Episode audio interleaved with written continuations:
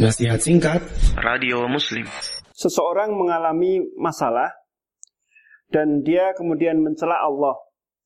Kemudian sempat terbersit di dalam hatinya Lebih baik murtad.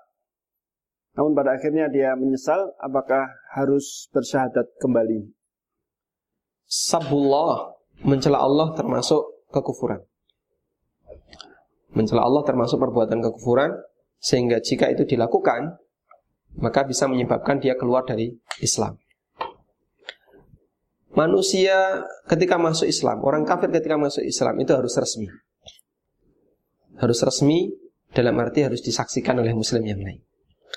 Tapi orang Islam ketika keluar dari Islam tidak harus resmi. Sehingga orang bisa saja keluar dari Islam meskipun tidak diketahui oleh orang lain, tidak disaksikan oleh orang lain, Bahkan itu dia lakukan sendirian karena dia merasa jengkel lalu mencela Allah Subhanahu wa taala. Nah, kalau dia yakin dia telah melakukan tindakan yang membatalkan Islamnya, maka dia wajib untuk masuk kembali ke dalam Islam. Nah, untuk masuk kembali ke dalam Islam itu apakah harus bersyahadat di hadapan umum? Jawabannya tergantung pengaruh dari kekufuran yang dia lakukan. Waktu kamu mencela Allah, siapa yang menyaksikannya? Nggak ada. Baik, kalau nggak ada, apakah kamu menyebarkan ke orang lain? Tidak. Hanya saya saja yang tahu dan saya tidak sebarkan ke orang lain. Berarti orang lain nggak berkepentingan dengan kekufuran kamu. Masyarakat di sekitar tetap meyakini kamu muslim. Karena mereka nggak tahu kalau kamu telah keluar dari Islam.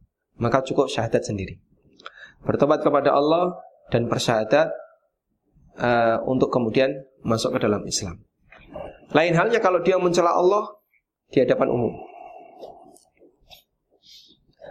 Sehingga banyak orang tahu dia mencela Allah dan dia ini perbuatan kekufuran.